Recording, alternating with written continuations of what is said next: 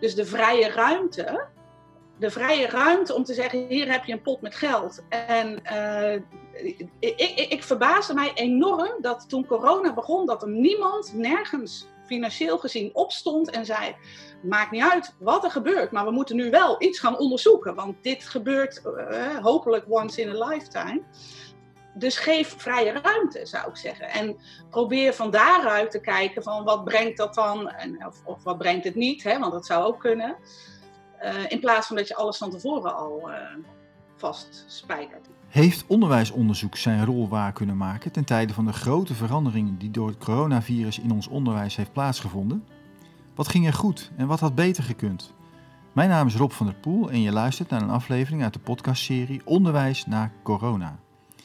Je hoorde zojuist Lisette Bastiaanse, zelf bezig met promotieonderzoek naar aandacht en betrokkenheid in onderwijs. Vanuit haar pleidooi voor meer vrije ruimte, voor groot en fundamenteel onderzoek, roept ze in één adem ook de scholen en leraren op hun eigen speel- en onderzoeksruimte te blijven maken. Als het niet gebeurt en je vindt iets toch belangrijk, begin er dan zelf aan, zegt ze. Terugkijkend naar wat er in coronatijd op lokaal niveau is losgekomen, is ze daarover al best tevreden. Nou ja, ik denk dat heel veel uh, onderzoek helemaal niet het woord onderzoek krijgt, maar wel onderzoek is. Dus ik denk dat er ontzettend veel gebeurt op scholen, uh, uh, in mensen. Ook Claire Boonstra, de tweede stem in deze podcast, kijkt met ontzag naar wat leraren voor elkaar hebben gebokst. Aan het onderzoeken en aan het bevragen zijn.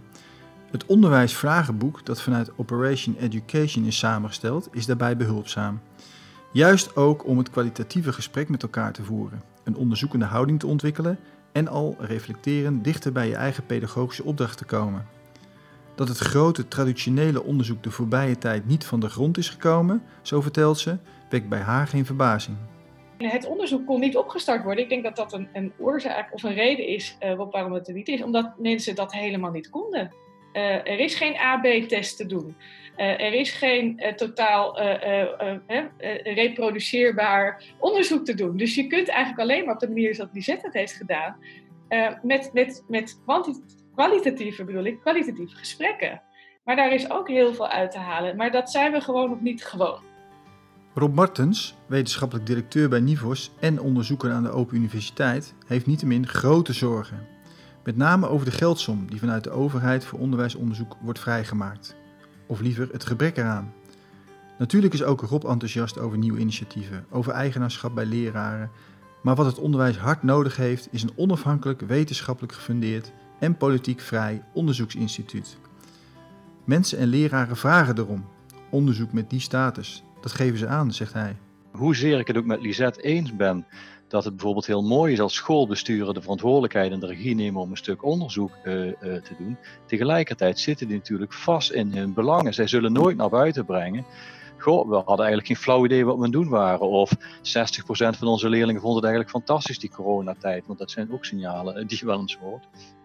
Um, dus wat we echt nodig hebben is wat ik dan zou willen noemen een soort superonderwijsraad. Een, uh, een, partij die echt boven de partijen staat, die niet aan het infuus van de politiek ligt, uh, niet afhankelijk is van de OCW-middelen en die echt met gezag kan spreken. Een beetje uh, het RIVM van, het, van het onderwijs. Dat zou je nodig hebben. In de komende 50 minuten luister je naar de derde en laatste podcastaflevering uit deze serie.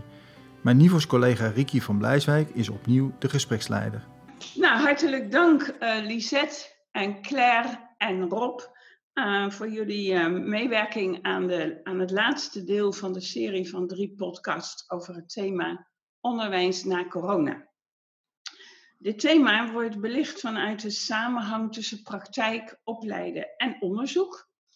En uh, ja, we hebben natuurlijk onderwijs voor, tijdens en na corona.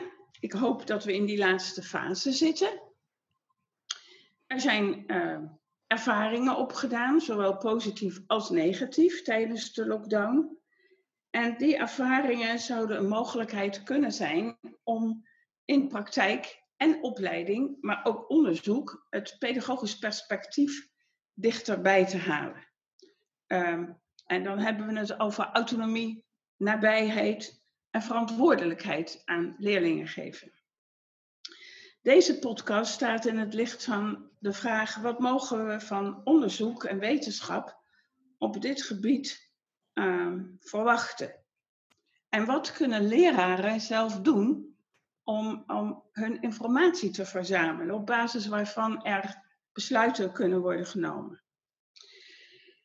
Um, laat ik eens beginnen bij Claire.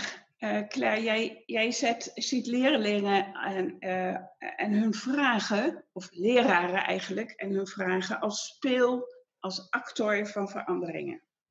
Je hebt het onderwijsvragenboek gemaakt uh, met heel veel, ja, eigenlijk heel basale vragen. Wa waarom is de zomervakantie zo lang? Um, op jouw website zag ik staan dat jij aan de corona um, de katalysator uh, benoemt uh, voor de transformatie van onderwijs. Meteen zeg je daarbij dat leraren hun eigen antwoorden bij zich hebben. Wat bedoel je daarmee?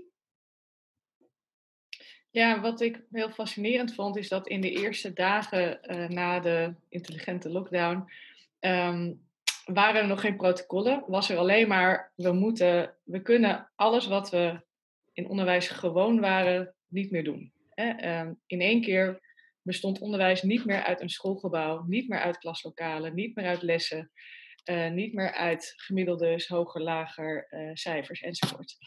En was iedereen op zichzelf aangewezen en op elkaar aangewezen. En waar iedereen dacht, nou dat kan natuurlijk nooit, dat kunnen ze niet, dat kunnen we niet, bleken mensen dat te kunnen. En kwam er een ongelofelijke energie vrij en, en verbeeldingskracht. En, en er waren alleen maar mogelijkheden overal. En natuurlijk was er ook uh, uh, angst en, en een beetje chaos. En, en, en, en ook wel van, jeetje, hoe moet het nou? Maar over het algemeen uh, konden mensen het. En konden we dus kennelijk op onszelf een beroep doen. En konden we op elkaar een beroep doen. En zijn er zoveel dingen mogelijk geworden waar mensen zichzelf ook verbaasden en elkaar verbaasden. En, en dat is eigenlijk de essentie.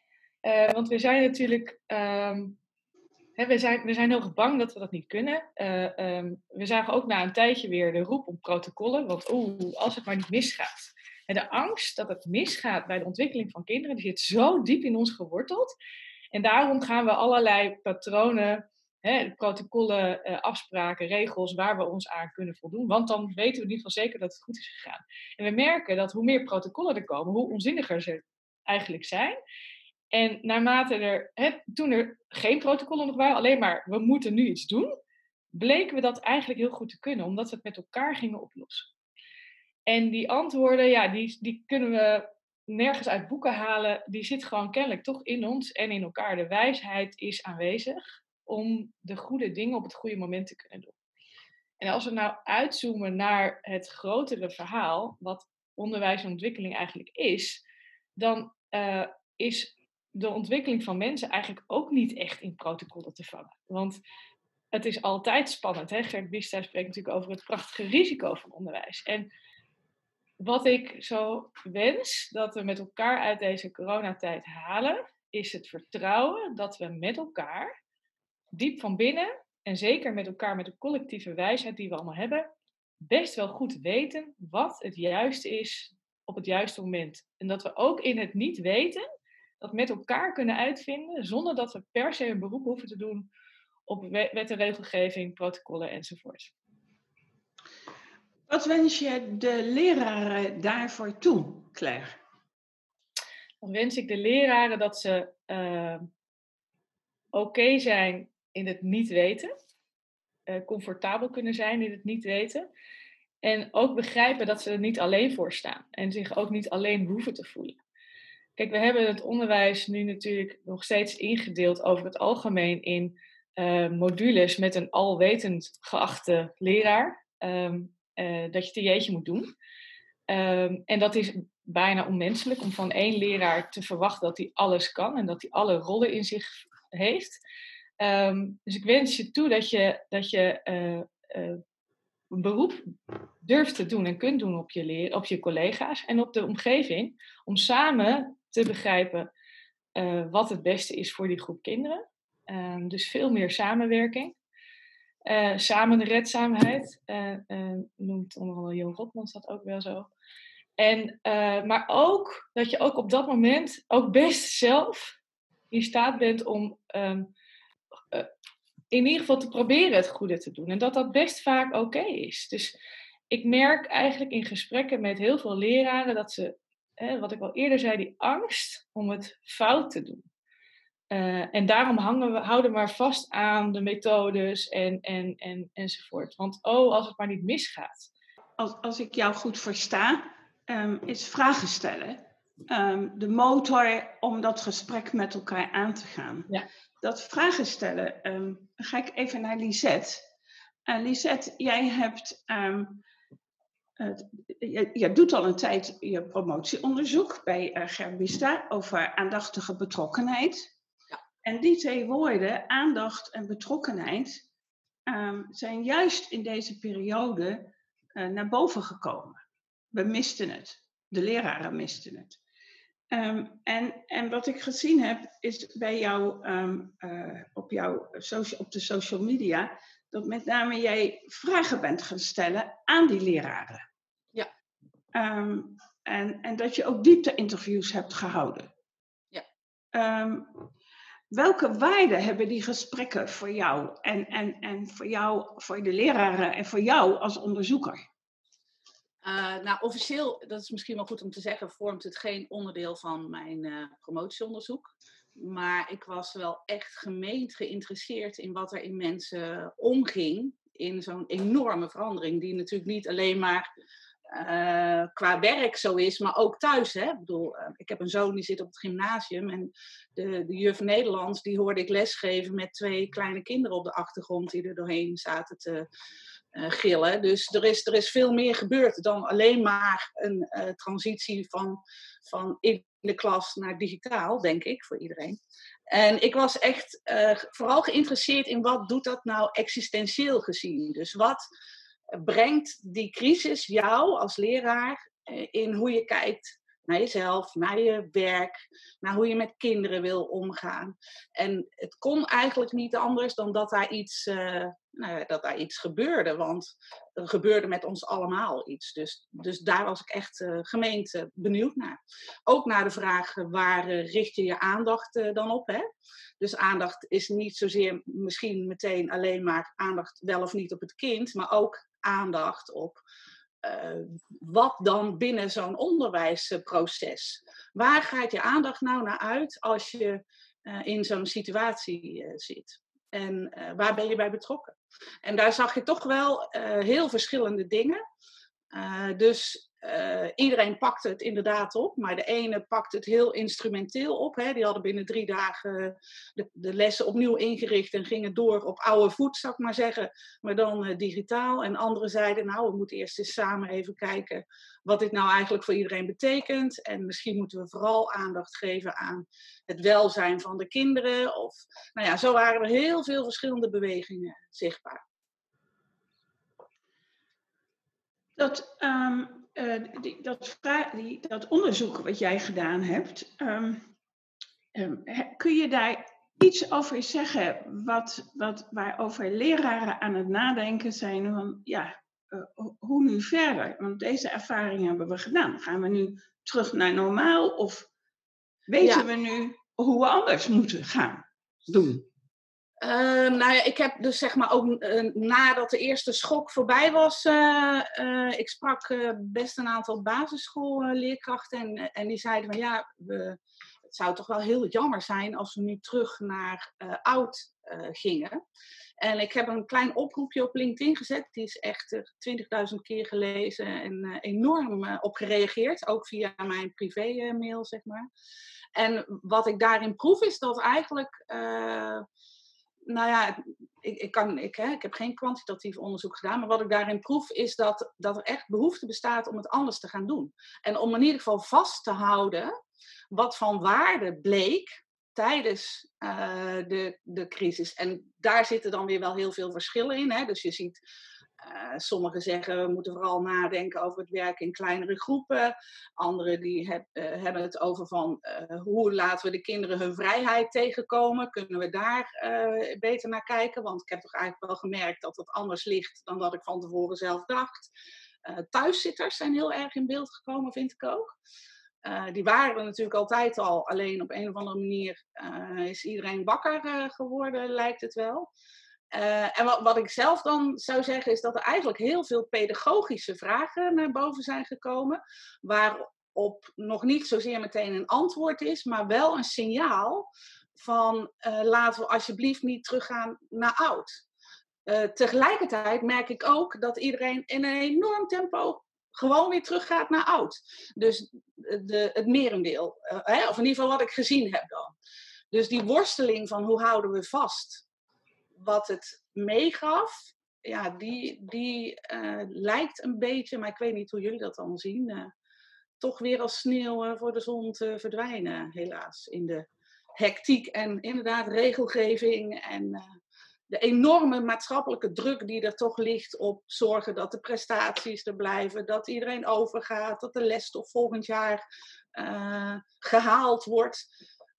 Ik zit in een MR van een gymnasium en nou ja, daar gaat het eigenlijk alleen maar over hoe zorgen we dat iedereen uh, cognitief gezien bijblijft.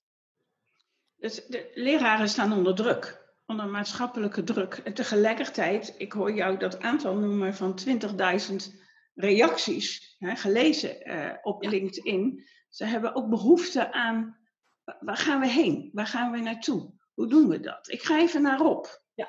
Uh, uh, Rob, jij bent um, hoogleraar en coördinator onderzoek van de faculteit Onderwijswetenschappen aan de Open Universiteit. Um, welk onderzoek um, over ervaringen en belevingen van leraren is tijdens de lockdown opgezet, of vlak na de lockdown opgezet, om onze leraren en daarmee onze leerlingen te gaan ondersteunen. Ja, tot mijn schaamte moet ik uh, bekennen dat er wel onderzoek is gedaan, maar fragmentarisch, uh, klein en niet het onderzoek wat antwoord geeft op alle vragen uh, die we hebben, die Claire en Lisette ook al aanstippen. Ehm, en wat mij opvalt, is dat er vooral een meningencircus ontstaan is. Zo hebben de media, om, om er een voorbeeld te, te noemen, het beeld gecreëerd dat er enorme onderwijsachterstanden zijn. Maar ik heb geen enkel bewijs daarvoor gezien. Uh, dat, is een, dat is een beeld, is ook niet per se onaannemelijk beeld, maar daar is geen bewijs voor. ik ben best veel door de media gevraagd om bijvoorbeeld ehm, mijn licht te laten schijnen op de vraag: goh, wat betekent nu het niet doorgaan van het eindexamen of het coronadiploma, zoals het wel genoemd wordt? Uh, en ik, ben daar heel terughoudend mee geweest, want het laatste wat ik wil, wil is dansen op de puinhopen. Hè, want ik heb in het verleden wat lelijke dingen gezegd over het eindexamen. of dat het onderwijs wel heel erg door toetsen wordt gedreven.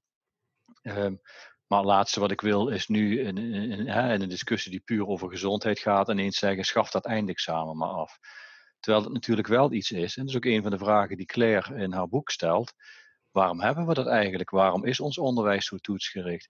En het alles over uh, koep, overweldigende gevoel, uh, Ricky, waar ik, waar ik mee blijf zitten als onderwijsonderzoeker, uh, nu de rook als het ware uh, is opgetrokken.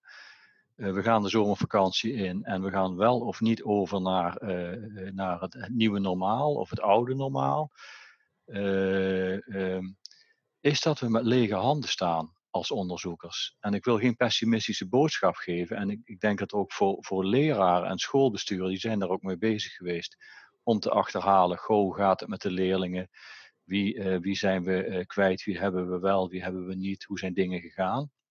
Dus daar, er is als het ware op een gegeven moment een zekere speelruimte ontstaan. En die hebben tot mijn grote vreugde, eh, heeft het onderwijs bewezen, de verantwoordelijkheid te kunnen nemen en vernieuwend te zijn. Dus alle lof daarvoor, fantastisch. Tegelijkertijd zie ik uh, dat het onderwijsonderzoek gigantisch met, uh, met lege handen staat. En dat heeft, daar kan je heel lang over praten en, en over kissen wissen. Maar dat heeft ook met geld te maken. Er is enorm bezuinigd op onderwijsonderzoek zes jaar geleden, bij de oprichting, of zeven jaar geleden, bij de oprichting van het NRO. Dat was eigenlijk één grote bezuinigingsoperatie. En ik zit met het niet mij loslatende gevoel dat we daar nu de rekening voor betalen zijn. En als je de, de vragen die Claire en, haar, en, en haar groep in het onderwijsvragenboek heeft opgeworpen, dat zijn allemaal vragen die we nu op ons bordje, op ons bordje krijgen. En, en ook in dat boek werd eigenlijk een appel gedaan aan onderwijsonderzoek. Misschien ook wel aan ander onderwijsonderzoek. Ja, daar kan je nog over discussiëren. Maar die vragen zijn nooit beantwoord. Die om allerlei redenen eh, die te maken hebben met financiering en het gebrek aan, aan speelruimte voor veel onderzoekers om, ehm, om die op te pakken, uh, zijn die eigenlijk allemaal blijven liggen. Bijvoorbeeld vragen rond digitalisering, vragen rond eindexamen. Wat betekent het dat het, uh, dat het wegvalt? en dat is jammer, omdat ik tegelijkertijd zie, en daarmee onderschrijf ik heel erg wat, wat Lisette zegt, een waanzinnige behoefte bij leraren uh, vragen om, om informatie. Ik, om zelf ook een voorbeeld te noemen. Ik heb voor de Open Universiteit in het kader van de digitale didactiekpagina's die wij hebben ingericht voor het onderwijs, een webinar opgenomen uh, over, uh, laten we zeggen, motivatie in tijden van sociale deprivatie. Hè, dat pedagogische thema wat ik met een Self-Determination Theory bril heb bekeken. Nou, gezellig gesprek, 120 deelnemers. Bijna 30.000 keer is dat gesprek daarna teruggeluisterd. Uh, dat vind ik eh, echt inderdaad, die noemde het ook al, verbluffende percentages die wijzen op een enorme vraagbehoefte van de onderwijsprofessionals in Nederland. En helaas staan we te veel als onderwijsonderzoekers met lege handen. Rob, um, Claire, geef ik graag even het woord als een reactie op wat jij nu net zegt. We komen dadelijk weer bij je terug. Ja, ja want wat, waar Rob en ik ook wel veel gesprek over hebben gehad, ook met partijen als het NRO. Uh, kijk, wat opvalt is dat eigenlijk al het onderwijsonderzoek vanuit de bril is gedaan dat onderwijs nou eenmaal plaatsvindt in een structuur met een schoolgebouw, klaslokalen, uh, lessen die je geeft enzovoort. En vrijwel al het onderwijs en onderzoek, zoals ik dat in ieder geval heb tegengekomen, is gericht op het optimaliseren binnen dit systeem. hoe kunnen we uh, optimaal omgaan met uh, dyslexie binnen dit systeem? Hoe kunnen we ervoor zorgen dat lessen efficiënter worden, zodat ze hogere resultaten opleveren? En, en, uh, en, en die bril, daar zijn we ons denk ik te weinig bewust van dat we vanuit die bril naar onderwijsonderzoek kijken. En ik begreep ook van heel veel onderzoekers dat al het onderzoek wat niet vanuit die premisse, die hypothese is gedaan, eigenlijk niet gefinancierd kan worden, want valt buiten silo's. Dus daar zit een fundamenteel vraagstuk. En uh, uh, Rob Martens en ik hebben ook daar met het NRO ook wel gesprekken over gehad. En die konden er niet goed mee omgaan. En dat is niet de schuld van het NRO, maar dat is gewoon de opdracht die ze hebben meegekregen vanuit hun financiers. Dus, dus daar zitten wel systemische, systematische vraagstukken die we heel moeilijk van binnenuit het systeem kunnen oplossen. Terwijl tegelijkertijd er ontzettend veel bewijsvoering is uh, vanuit andere uh, disciplines. Alleen we zitten natuurlijk nog wel in een systeem, niet alleen onderwijssysteem, maar gewoon stelselmatig ook een wetenschappelijk systeem, waarbij we heel erg in silo's uh, ingedeeld zijn. En het ongelooflijk moeilijk is om buiten de silo's te denken. Ik heb heel veel gesprekken gehad de afgelopen dagen met mensen die uh, multidisciplinair uh, instituut aan elkaar wilden verbinden. Maar die zei, ja, het is gewoon nat dan om, om vanuit instituut 1 instituut 2 te gaan financieren. Dus we moesten zelfstandig worden om... Weet je, dus dat zit nog een beetje in ons denken. Dat is best moeilijk om daar uit te komen. Maar waar ik heel erg hoopvol ben, op dit moment heel optimistisch, is dat we dat gaan erkennen. Dat we dit openlijk gaan uitspreken, dat dat gewoon niet recht doet aan de werkelijkheid. En we hebben ook in de afgelopen periode met corona ervaren dat er dus ook onderwijs kon plaatsvinden op een of andere manier, of ontwikkeling, educatie kon plaatsvinden buiten de structuur. Sterker, het moest. En toen in één keer, weet je, en, en, en alleen het onderzoek kon niet opgestart worden. Ik denk dat dat een, een oorzaak of een reden is uh, waarom het er niet is, omdat mensen dat helemaal niet konden. Uh, er is geen AB-test te doen.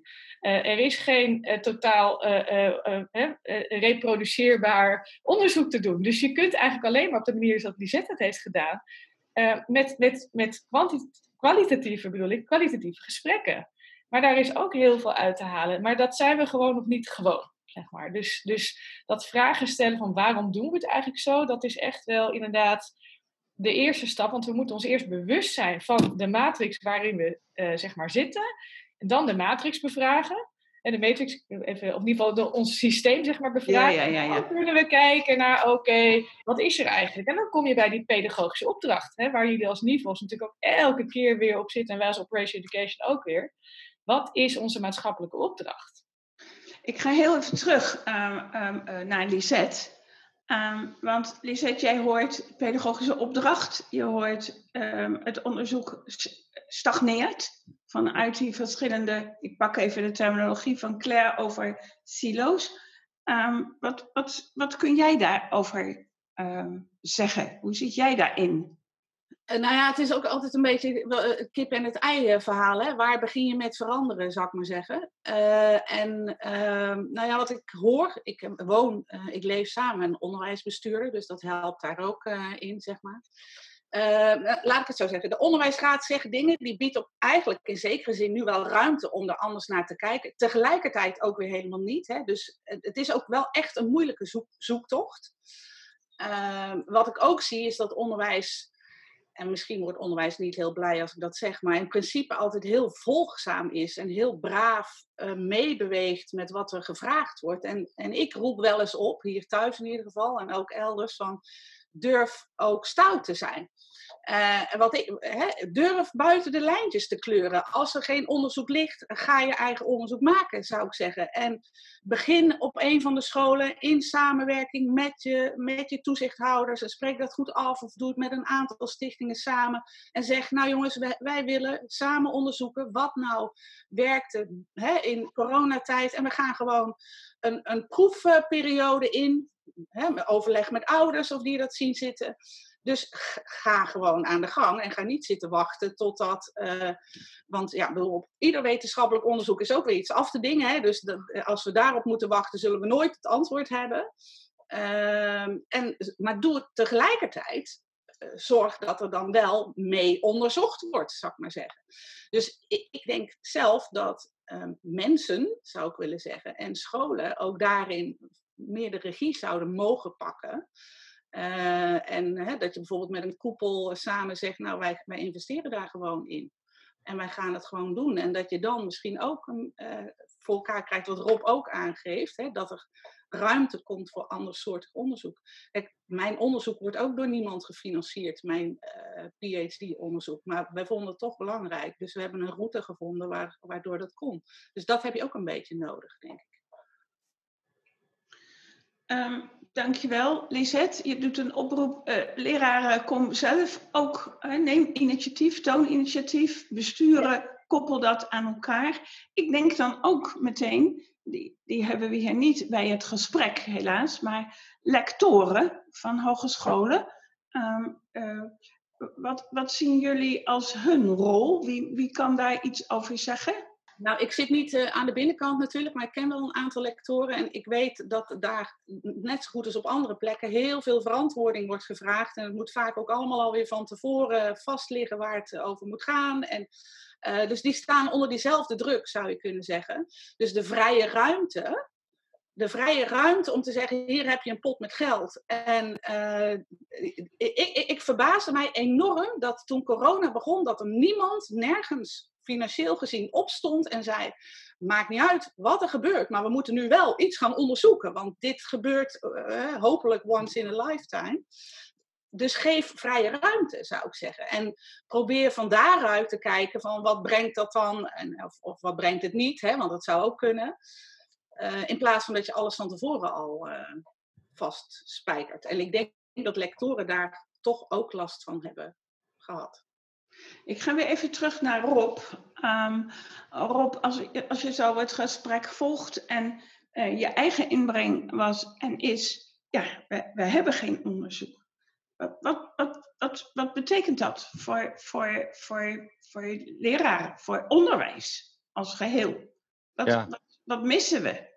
Nee, ik, ik, wil nog heel, ook nog even aansluiten op wat uh, Lisette zei. Dat, dat kan ik heel erg bevestigen. Uh, uh, die, die ruimte om onderzoek te doen, die is dus heel erg klein geworden. Dat is, ik, ik betoog dat dat voor een deel een, een financiële kwestie is. Het NRO heeft een budget van 15 miljoen euro. Aan onderwijs geven we tussen de 30 en 40 miljard uit, alleen al directe kosten. Dus waanzinnig weinig uh, budget. Dus dat moeten we gewoon even uh, benoemen. Maar daarnaast zie je ook andere financieringsmechanismes die er eigenlijk altijd vanuit gaan uh, dat onderzoekers met elkaar in competitie staan en inderdaad, zoals Claire dat aangaf, in die silo's gedwongen uh, worden te blijven. Dus um, dat, dat zijn allemaal uh, problemen. En, en, de vraag is, Ricky, die je stelt, ja, wat missen we nu? Wat, wat betekent dit nu? ja, ik wil dat niet overdrijven of, of van deze podcast een, een sombere uitzending maken, maar ik maak me daar oprecht zorgen over. Want wat ik zie, is dat de opinie over, over onderwijs gekaapt wordt door politiek, gekaapt wordt door belangenverenigingen. En ik ben, hoezeer ik het ook met Lisette eens ben, dat het bijvoorbeeld heel mooi is als schoolbesturen de verantwoordelijkheid en de regie nemen om een stuk onderzoek uh, uh, te doen. Tegelijkertijd zitten die natuurlijk vast in hun belangen. Zij zullen nooit naar buiten brengen.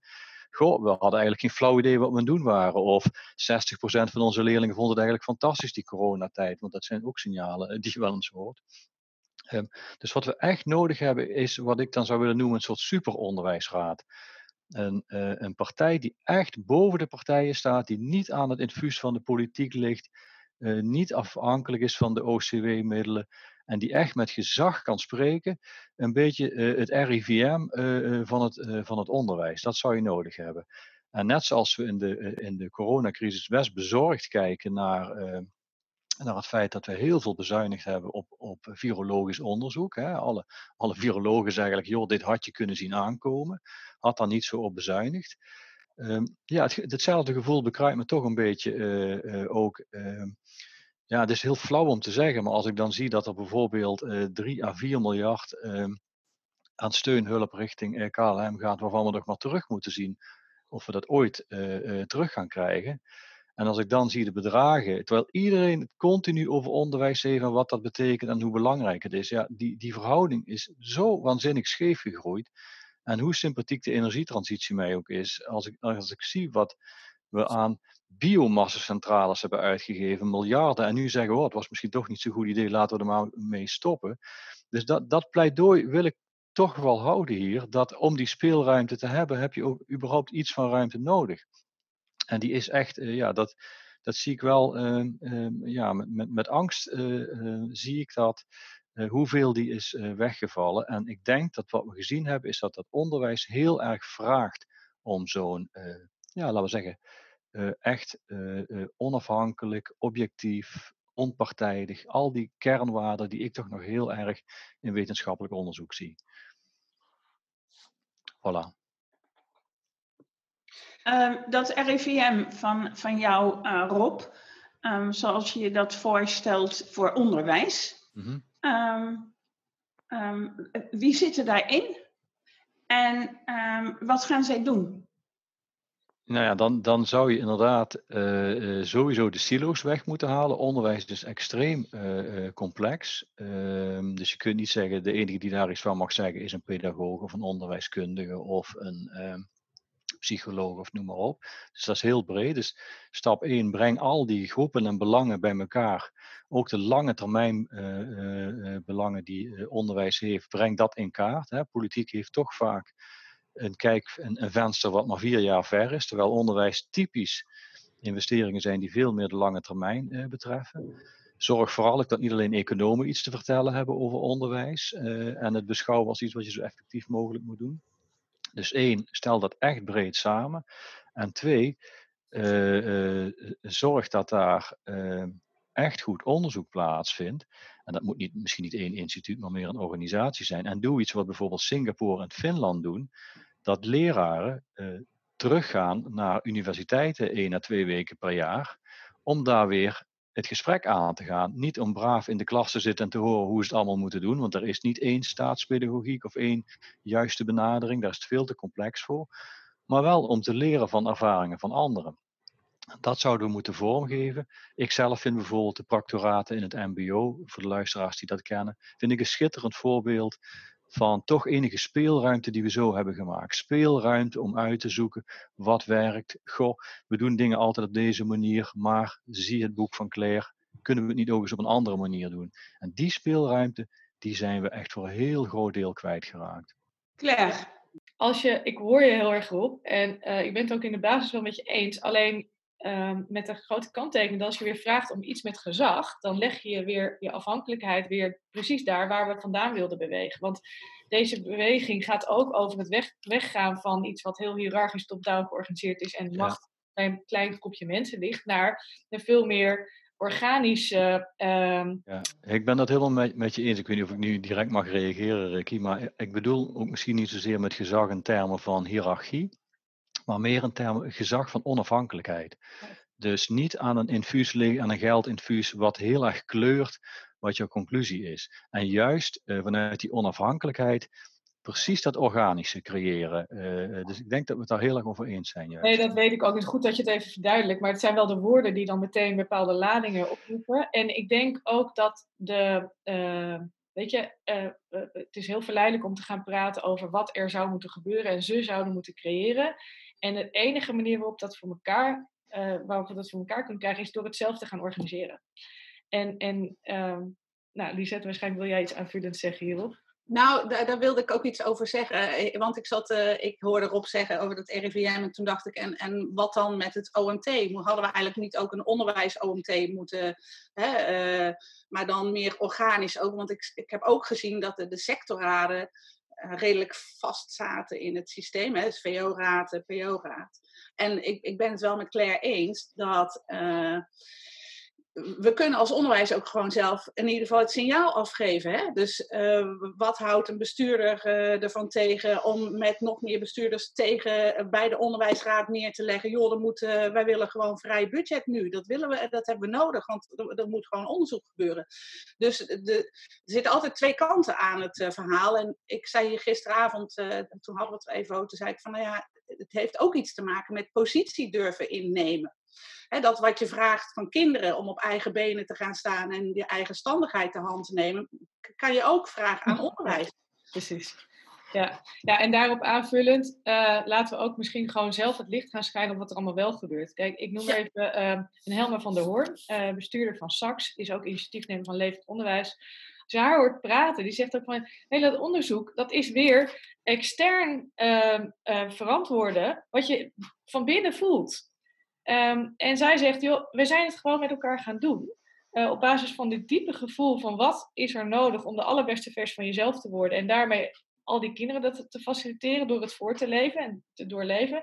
Dus dat er allemaal onderzoekers nu op me afkomen om te vragen of ze dat willen, uh, mogen, mogen onderzoeken. Fantastisch. Maar ik kies ervoor niet die werkelijkheid als mijn werkelijkheid te kiezen. Ik kies ervoor om van binnen onszelf continu van binnenuit af te vragen: wat is hier nodig, wat is nu het goede? En daar ontstaat dus van alles. En uh, nou, ik vond dat zo, zo mooi, zeg, zo waar. Dat is zo congruent, zeg maar. Van, uh, uh, we moeten zien weg te bewegen bij dat externe verantwoorden. Want, want, want de ene werkelijkheid is niet de andere werkelijkheid. En, en, en dus dat we dat gewoon veel meer leren. En ik zou die oproep ook willen doen. Van laten we vooral hè, uh, uh, de, mannen van Agora, uh, die zeggen ook altijd van ik, ik schrijf het pas op als ik weet dat het werkt. Ik ga het eerst proberen. En, en, en die verantwoording, en dat zie je ook bij bijvoorbeeld Essential Schools, waar jullie vanuit het NIFAS met de hele groep ook heen zijn gegaan, wat Hartger Wassing ook zo mooi beschreef op zijn blogs. Hoe zij verantwoording afleggen, is door de hele dag in gesprek te gaan met iedereen.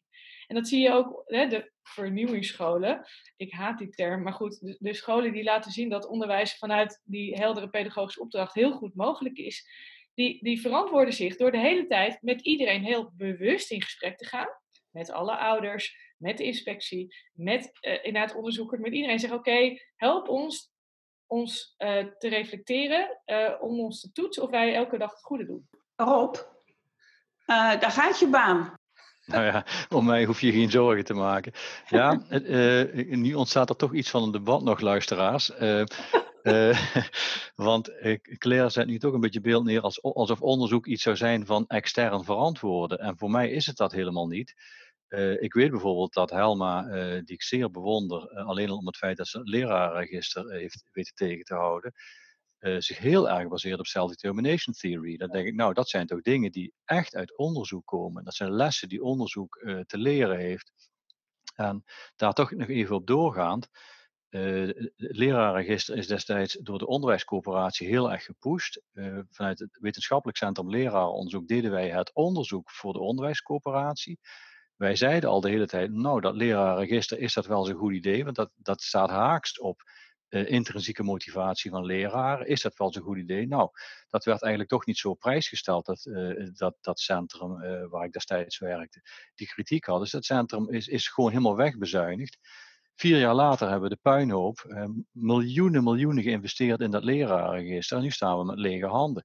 Dus dat laat zien dat onderzoek niet de rol neemt van scheids, scheidsrechter uh, die achteraf komt kijken of iets gewerkt heeft. Maar juist die rol die uh, Lisette en Claire ook zo benoemen, en waar ik het bijzonder mee eens ben, meedenken, voetjes in de modder, praktijkgericht meer als een academisch ziekenhuis opereren, waarin je ook onderzoek kan doen, dan uh, als een, een, een soort inspectie die achteraf komt zeggen of iets goed of slecht is.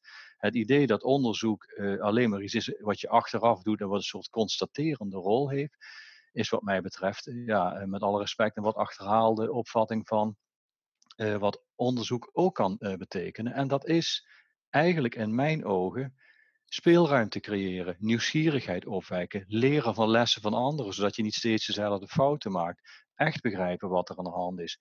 Iedereen neemt de term motivatie in zijn mond als het gaat over, over het onderwijs en over leerlingen. En als ik dan vraag, ja, maar wat bedoel je daar eigenlijk mee?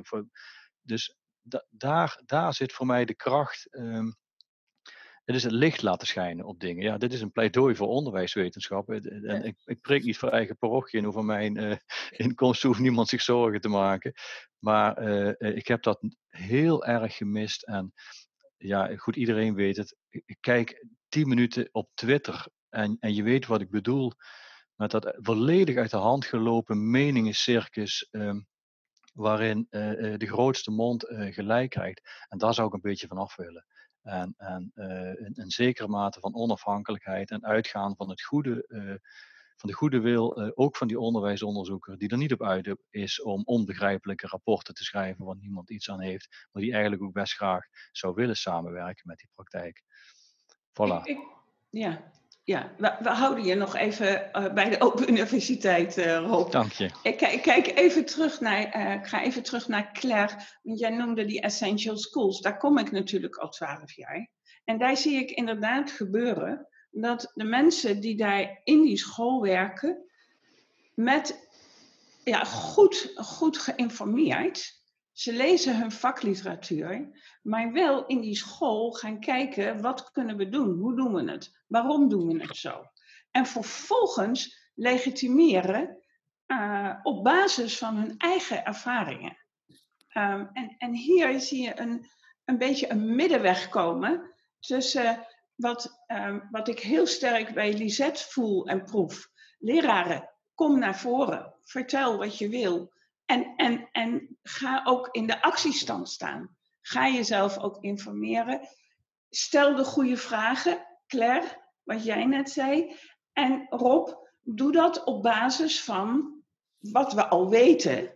En laat ons met jou en jullie meelopen, zodat we een mooi samenspel krijgen tussen praktijk, opleiden en, um, en onderzoek. Wie begint daar? Wil. Nou ja, ik denk dat heel veel uh, onderzoek helemaal niet het woord onderzoek krijgt, maar wel onderzoek is. Dus ik denk dat er ontzettend veel gebeurt op scholen uh, uh, in mensen. Femke Gijssel bijvoorbeeld, en er zijn nog een aantal mensen die heel hard geprobeerd hebben om wel, en dan niet alleen maar ten bate van externe verantwoording, maar juist om te zorgen dat, dat er in die scholen ook dat mensen er baat bij hebben. En wat mij betreft zou het wel mooi zijn als je dat manifest maakt met elkaar. Dus ik ben het helemaal met Rob eens dat je soort, je hebt ook officieel onderzoek misschien nodig, maar je hebt ook natuurlijk heel veel onofficieel onderzoek waar heel veel waarde in zit. En als je dat maar met elkaar deelt, en, en daar gaat hij denk ik wel mis, dus er gebeurt van alles, iedereen registreert van alles en denkt, jeetje, we zouden dit of ik ervaar dat.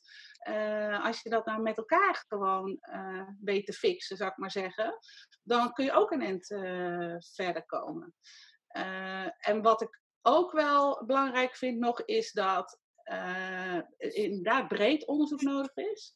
Maar ik heb wel echt gemerkt in die coronatijd dat juist de pedagogische vraag gewoon doordat het een crisis was. Hè, en die kwam naar boven. Was en zo. Ja, dus dat het echt een pedagogische vragen naar boven zijn gekomen.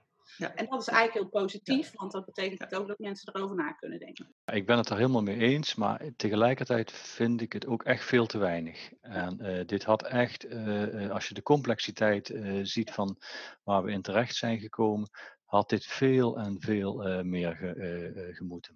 Ja, daar ben ik het ook mee eens. Maar tegelijkertijd denk ik ook, um, er is ook heel veel wel gebeurd. Um, kijk, de, de, de, de traditionele onderzoeken lenen zich misschien onvoldoende voor wat er, nu wat er nu is. Ik denk dat dit voer is voor nog decennia aan backwards checking, zeg maar, wat is er gebeurd. Er is gelukkig heel veel gedocumenteerd via alle social media enzovoort. Dus ik denk dat er nog heel lang lessen zullen worden getrokken hieruit. Alleen op een manier die we misschien niet zo gewend waren. Ik denk dat we allemaal moeten leren omgaan met die andere werkelijkheid, die, die is andere spelregels vraagt. En, en dat is natuurlijk ook een beetje nieuwe tent bouwen terwijl de oude nog open blijft. En, en ik wilde ook nog iets zeggen van oké, okay, vasthouden.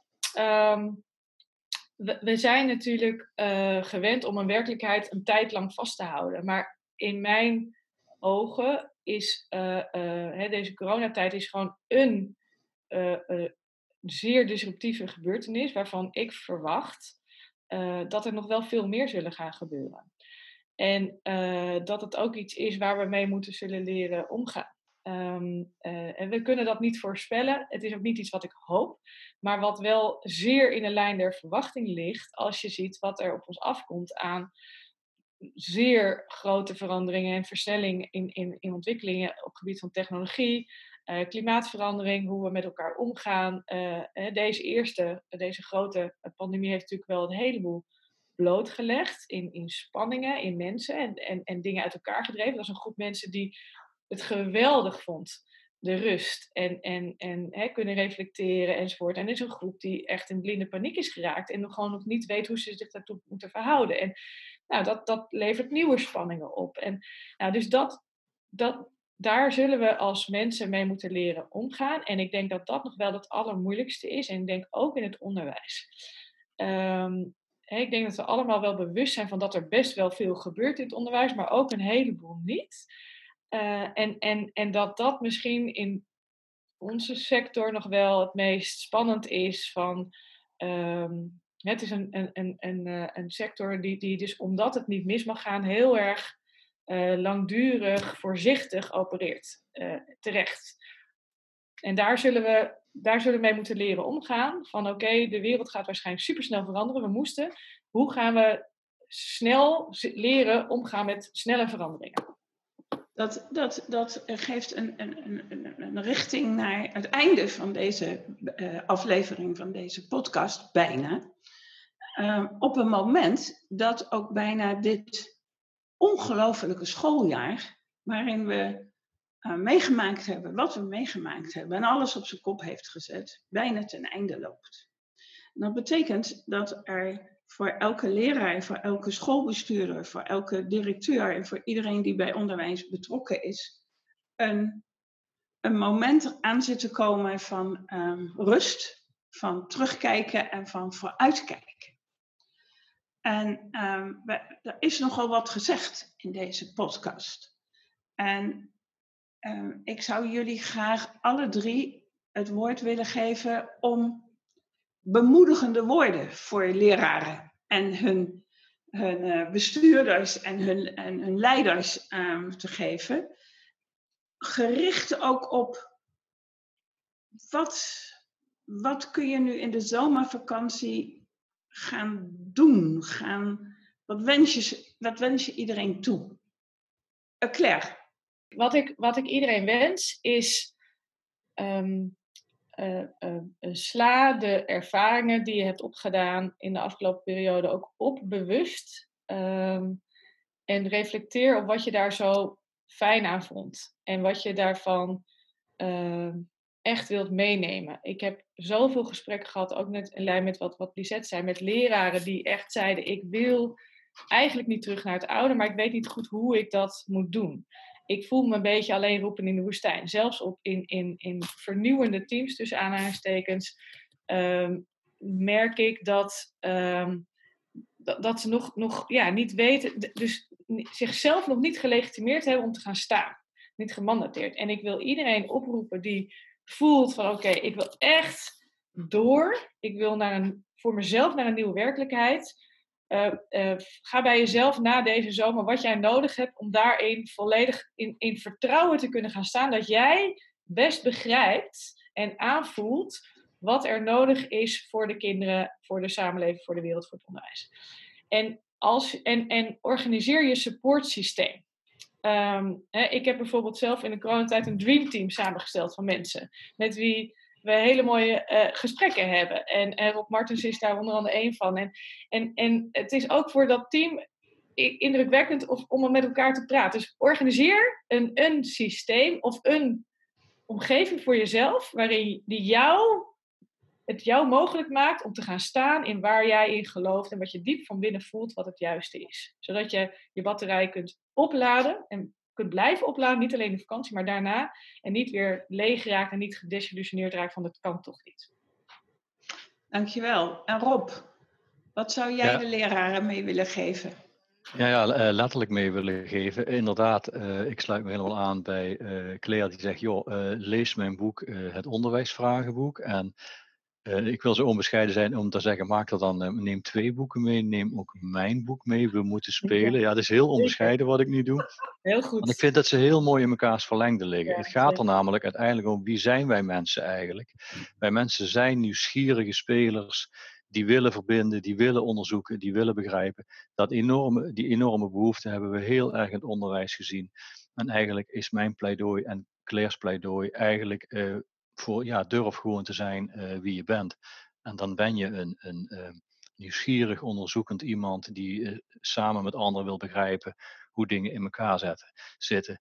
We hebben dus een hele rare tijd gehad. We gaan de zomervakantie in voor mij is dat een tijd van uh, jezelf worden, van, van uh, speelruimte. Neem die afstand en kijk met, ja, met een zekere mate van trots als leraar terug op de afgelopen tijd.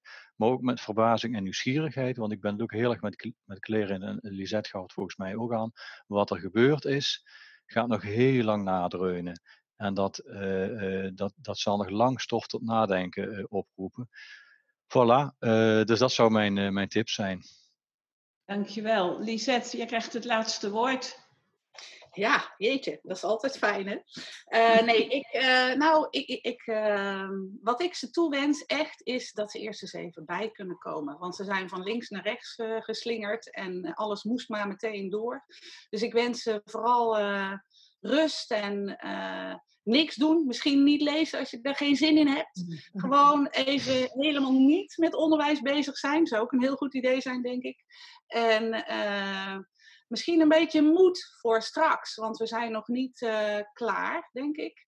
En uh, dus ik zou zeggen, ga gewoon lekker bijtanken en uh, op adem komen. Dat is denk ik heel belangrijk. Klinkt goed.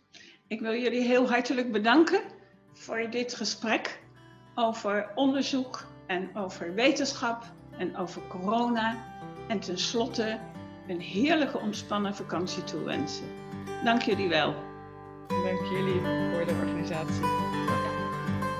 Dit was de laatste aflevering uit de Nivos-serie Onderwijs na corona. Laat ons weten wat je van deze podcast vond door een berichtje te sturen of door deze aflevering te liken of een aantal sterren mee te geven. Of verspreid hem in je sociale mediakanalen. Wil je meer Nivos podcast beluisteren? Dan verwijzen we je naar ons eigen podcastkanaal. Ze zijn ook allemaal op Spotify en op Apple Podcasts te vinden. Stichting Nivos sterkt leraren en schoolleiders bij de uitvoering van hun pedagogische opdracht. Meer informatie over onze activiteiten lees je op www.nivos.nl.